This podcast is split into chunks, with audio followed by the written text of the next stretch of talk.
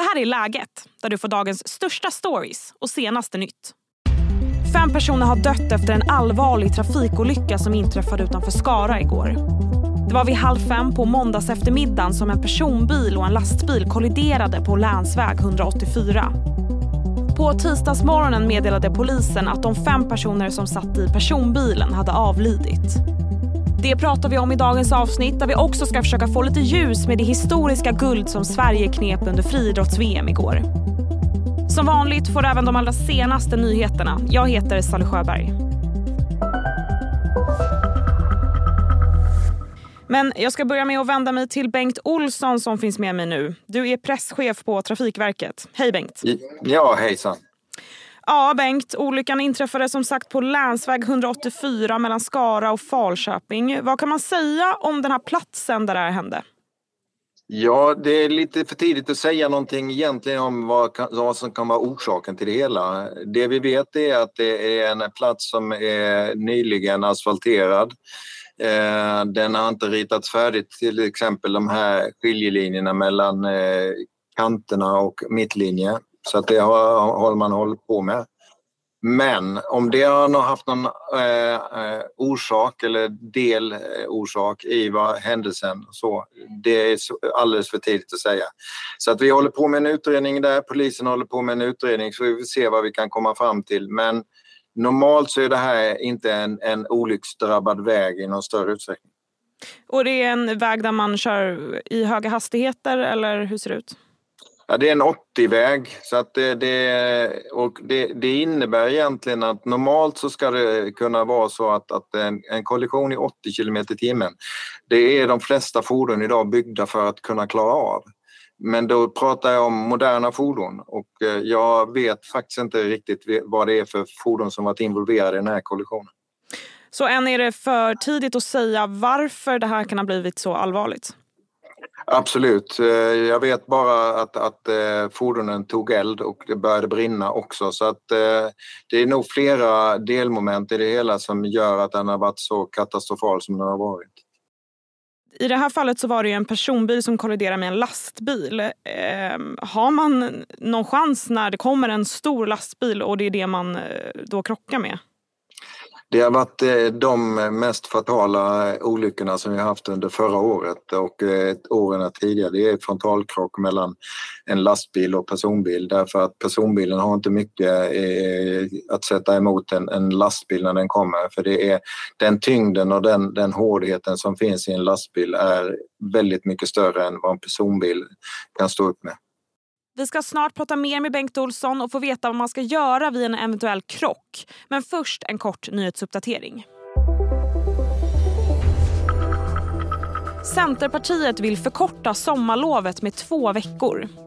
Partiledaren Muharrem Demirok tror att det här kan höja svenska barns kunskapsnivå. Så här beskrev han förslaget i Sveriges Radio Ekot. Ja, men det är klart att eh, Visst känner man sig som grinchen på julafton så när man eh, lägger fram ett sånt här förslag. Och jag förstår om en del kommer att reagera att eh, vi föreslår att korta eh, delar av sommarlovet.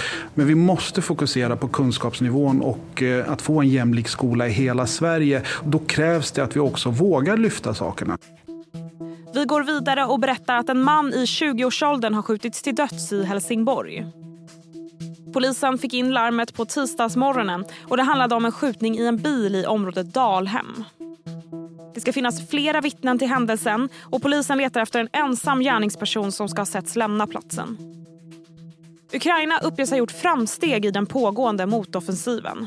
Det skriver tankesmedjan Institute for the Study of War i sin senaste rapport.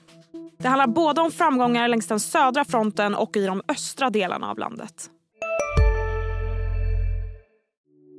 Hej, Ulf Kristersson här. På många sätt är det en mörk tid vi lever i. Men nu tar vi ett stort steg för att göra Sverige till en tryggare och säkrare plats. Sverige är nu medlem i Nato. En för alla, alla för en. Har du också valt att bli egen? Då är det viktigt att skaffa en bra företagsförsäkring. Hos oss är alla småföretag stora och inga frågor för små. Swedeas företagsförsäkring är anpassad för mindre företag och täcker även sånt som din hemförsäkring inte täcker. Gå in på swedea.se företag och jämför själv.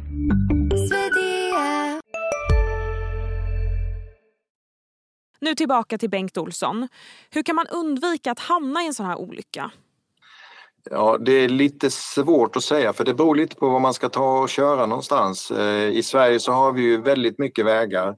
Vi har eh, över 10 000 mil väg i Sverige och eh, eh, när man väljer vägar beror det på lite på var man ska ta vägen och vad finns det för vägar att välja på. Eh, de säkraste vägarna är absolut de eh, motorvägarna och eh, de som har en mittseparering, det vill säga där det är ett stängsel eller motsvarande räcke i mitten mellan färdriktningarna. Två plus ett-vägar är typexempel. Och som också har rönt en hel del internationell uppmärksamhet med tanke på att Sverige har gått från 12-1500 omkomna per år eh, 60-70-talet ner till, till 200 vilket i och för sig är alldeles för många, men, men det är, är ändå en, en stor förflyttning och där tittar många andra länder på just Sverige och de lösningarna som vi har kommit upp med. Så eh, välj eh, kanske den eh, säkraste vägen men också antar jag var utvilad och inte trött och ja, sådär. Ja, absolut. Eh, jag menar, sätter dig och ska köra, sen beror det på om du ska köra långt eller kort. Eh, I det här fallet så rör det sig om en, en eh, regional väg och jag misstänker att det inte är där som man kör den längsta resan. Men ska man köra långt då, då gäller det att vara utvilad och framförallt ha marginaler mellan de andra bilarna och fordonen som är där ute.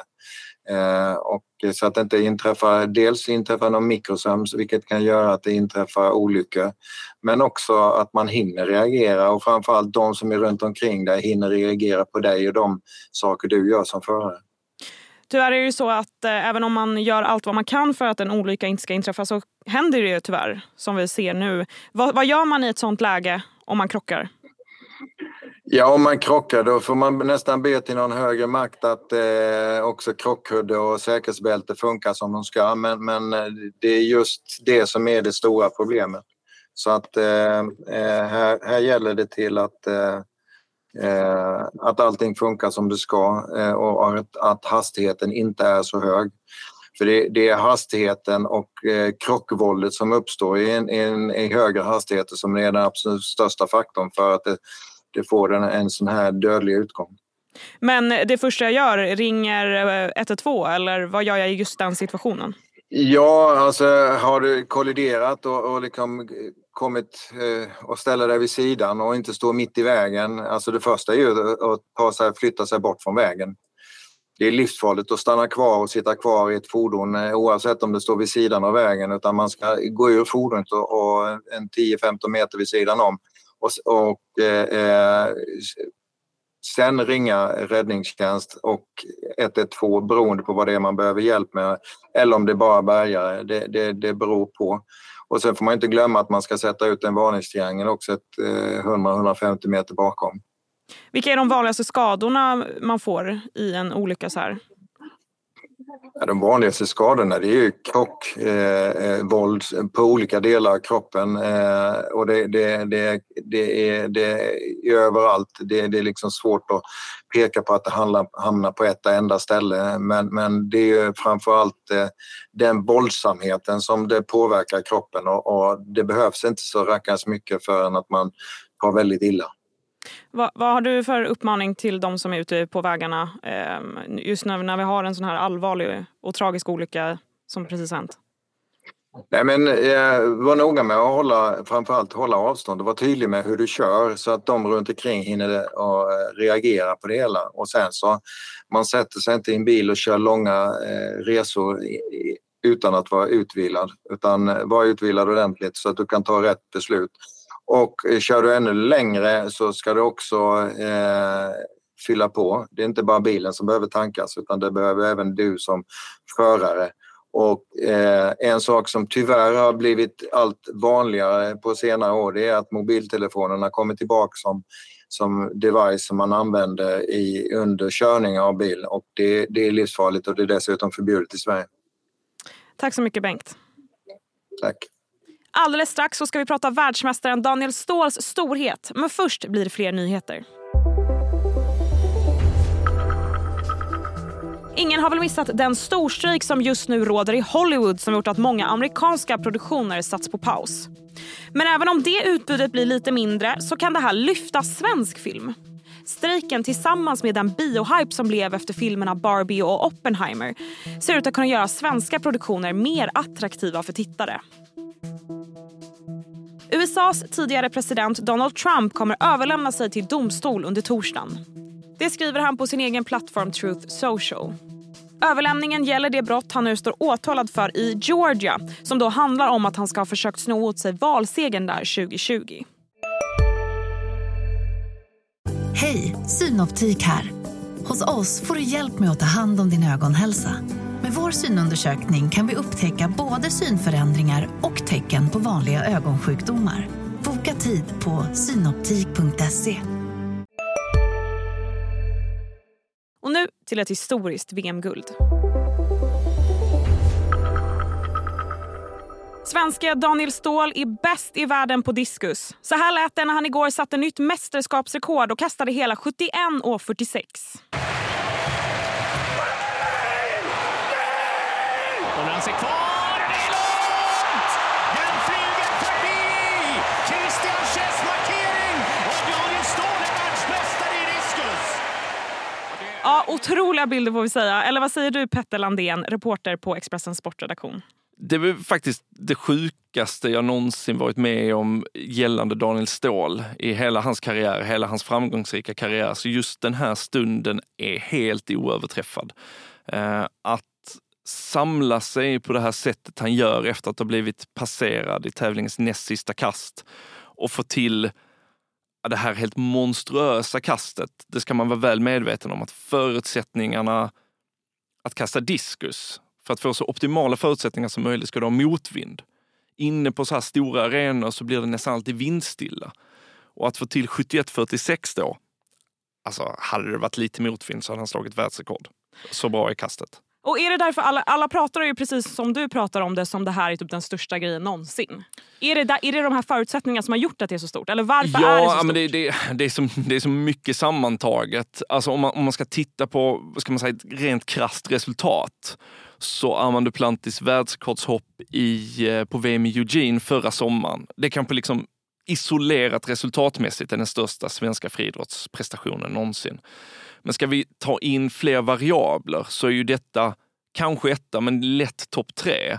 För att Daniel är lite liksom på ålderns höst av sin karriär. Han har liksom vunnit allting eh, redan, men förra sommaren så gick han B, han gick B till EM. Eh, för första gången på åtta år så kom han inte in i ett mästerskap med det längsta kastet för året. Daniel har tidigare haft lite problem att hantera pressen i de här stora mästerskapsfinalerna. Så att bli passerad i näst sista och hinna samla, han har guldet, blir fråntagande och kliva in i ringen och leverera det han gör. Allt det sammantaget med att det är 71-46. Ja, det är så löjligt så att det är liksom, som friidrottsprestation betraktat, lätt topp tre i svensk historia. Eh, hur, varför är han bäst i världen? Hur har han tagit sig hit? Alltså Daniel Ståhl har ju alltid haft de fysiska förutsättningarna att vara väldigt bra på diskus. Eh, stor, muskulös, rejält jäkla vingspann. Om man ser honom fälla ut armarna i verkligheten så är det ju liksom en mänsklig albatross. Det är ett sånt vingspann så att det är helt sanslöst. Sen så är det ju extremt hård dedikerad träning, eh, främst då under islänningen Westein Hafstenssons ledning som gjorde honom och har gjort honom till eh, den bästa diskuskastaren i världen de senaste tio åren. Eh, det som adderats till detta var det jag var inne på förut, sättet han mentalt hanterar det nu, sättet han har kunnat släppa den press han känt tidigare, eh, njuta av sporten och leverera i rätt stund. Eh, det är liksom det stora här jämfört med det han gjort tidigare. Hur ohotat står han nu då? Inte överhuvudtaget, han är jättehotad. Alltså grejen kortsiktigt här och nu, lätt bäst i världen. Det finns ingen som kan säga någonting annat. Eh, prestationen, resultatet, guldmedaljen talar för sig själv. Eh, men det är ju en del av det som gör det så stort för att han är inte ohotad detta längre. På VM i Doha 2019 eller OS i Tokyo 2021 så var det så här, visst, Christian Che i Tokyo var väl där och liksom nosade lite. Han var på väg, men absolut inte i närheten. Ståhl stod i ensam majestät högst upp på tronen. läget idag är annorlunda. Han är inte ohotad kung längre eh, utifrån framtidsperspektiv och det är det som gör det så imponerande att han lyckas leverera nu. Oerhört kul att få se Daniel Ståhl göra det här. Tack så jättemycket Petter. Tack. Där sätter vi punkt för idag. Läget är tillbaka imorgon igen. Tills dess så kan du läsa nyheter i Expressens app. Tack för att du har lyssnat. Vi hörs imorgon. Du har lyssnat på en podcast från Expressen. Ansvarig utgivare Klas Granström.